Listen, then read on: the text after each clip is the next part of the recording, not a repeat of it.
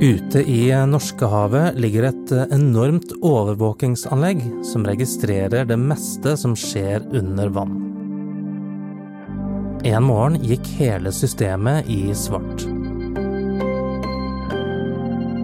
Nå blir Kripos satt på saken.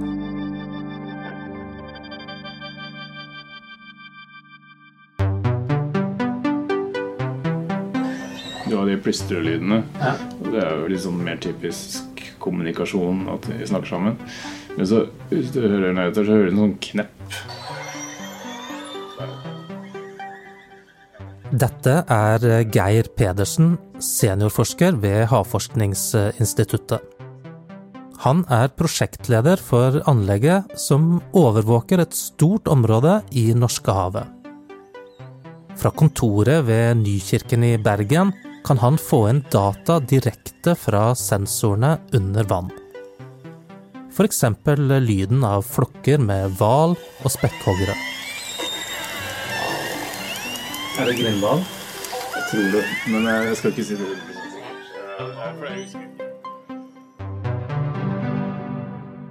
På havbunnen utenfor Vesterålen ligger det over seks mil med kabler som knytter sammen avanserte målestasjoner.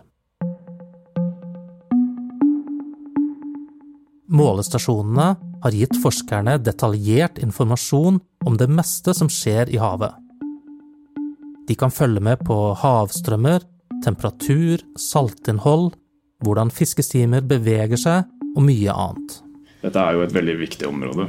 Økologisk, eh, også kommersielt med tanke på fiskeri. Eh, silda vandrer forbi her, som sagt. Dette er også et område med mye militær aktivitet. Og av og til så fanger sensorene opp mer sensitive saker enn fisk. Derfor sendes alle dataene først til Forsvarets forskningsinstitutt. De forteller meg at eh, når været er godt og avstanden er kort, så hender det at systemet registrerer ubåter. Forsvaret sier at eh, i sånne sjeldne tilfeller fjerner de sensitiv informasjon. Og først etterpå deler de dataene med Havforskningsinstituttet og andre samarbeidspartnere. De siste årene har eh, overvåkingsanlegget blitt bygget ut gradvis, og det har strukket seg lengre og lengre ut i havet. Sommeren i fjor skulle vi egentlig vært helt oppe og gå. Da, da har vi endelig kommet til det punktet at nå, nå skulle alt spille, og liksom, man skulle få uh, målinger fra alle plattformene. Men um, ja, så, så, skjedde det jo noe i april som gjorde at vi måtte ta et steg tilbake og, og egentlig bruke mye av året på å finne ut av hva som hadde skjedd. Lørdag 3. april i fjor, mellom klokken 9 og 10 om morgenen, så må det ha vært store krefter i sving ute i havet. Geir og kollegene hans fikk ikke noe varsel om at noe var galt. Plutselig forsvant bare alle signalene fra anlegget. At strømmen går, er noe som kan skje. Men denne gangen var det ikke mulig å få systemet opp igjen. Flere eksperter var inne for å finne ut nøyaktig hvor på det enorme kabelnettverket feilen lå, uten å lykkes. Først noen måneder senere, i september, kom de nærmere et svar. Et skip fra Equinor sendte ned en undervannsrobot. På en skjerm kunne Geir og kollegene hans følge med på det undervannsroboten filmet. Et langt stykke av kabelen var borte, og en av plattformene var ødelagt. Hvordan var det for deg å, å se det? Nei, det, det, var et støkk, da. Det var, det. Det var litt sånn de verste, Den verste frykten var eh, bekrefta. Så nei, det var, det, var, det var vondt å se.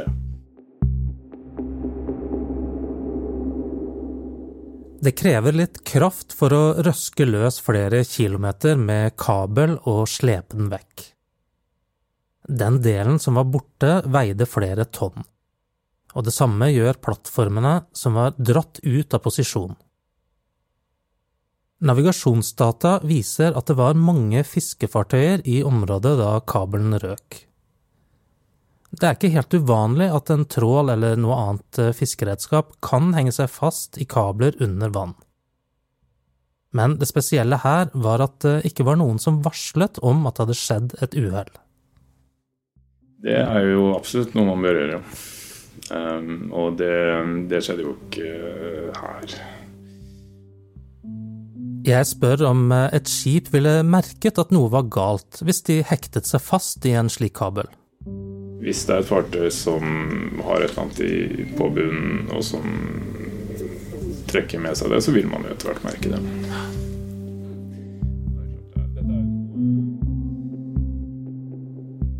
Geir sier at eh, det ikke er helt ufarlig for skip å hekte seg fast i kabler. Det har vært ulykker med båter som har kantret fordi de har heist opp ting som viser seg å være veldig tunge. Oppdagelsen på havbunnen fikk ledelsen i Havforskningsinstituttet til å varsle.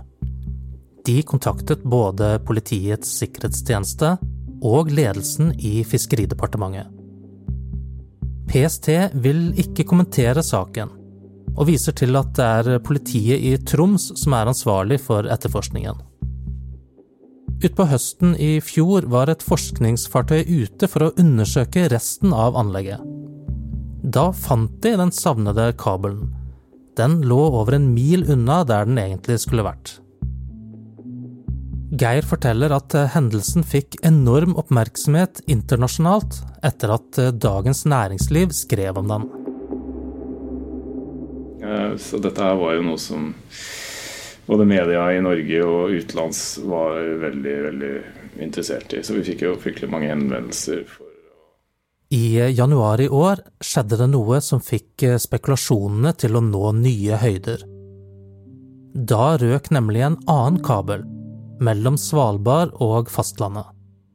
Den sørger for at eh, folk på Svalbard har internettforbindelse. En russisk tråler passerte over kabelen mer enn 30 eh, ganger i løpet av drøyt to døgn før kabelen sluttet å virke.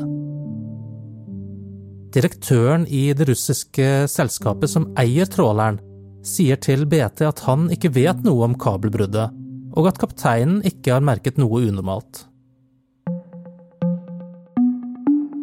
Hva tror du er grunnen til at det er så stor interesse for dette? Jeg tror det var litt, sånn, det, det var litt interessant å spekulere i, i, hva som er grunnen. Da. Jeg har jo registrert at eh, f.eks. sånne sikkerhetspolitiske nettsteder og publikasjoner har jo vært ekstra interessert i å spekulere i det.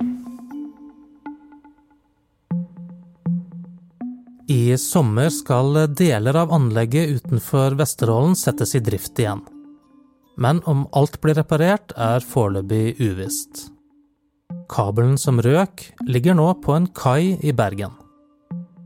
Politiadvokat eh, Ronny Jørgensen sier til meg at han kommer til å be Kripos om å undersøke den. Han vil ikke svare på om det er noen av fartøyene i området som peker seg ut, eller om politiet tror det dreier seg om en ulykke eller sabotasje. Geir sier at han er opptatt av å få anlegget opp igjen, og at andre må finne ut hva som gikk galt. Men har du en klar teori sjøl om eh, hva som har skjedd?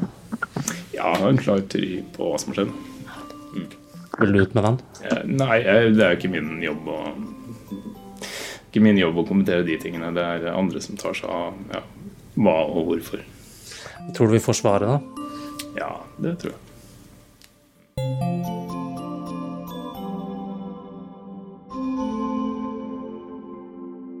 Hva skjedde? er en eh, podkast fra Bergens Tidende. Og denne episoden er laget av eh, Anna Offstad, Henrik Svanevik og meg, Rune Christoffersen.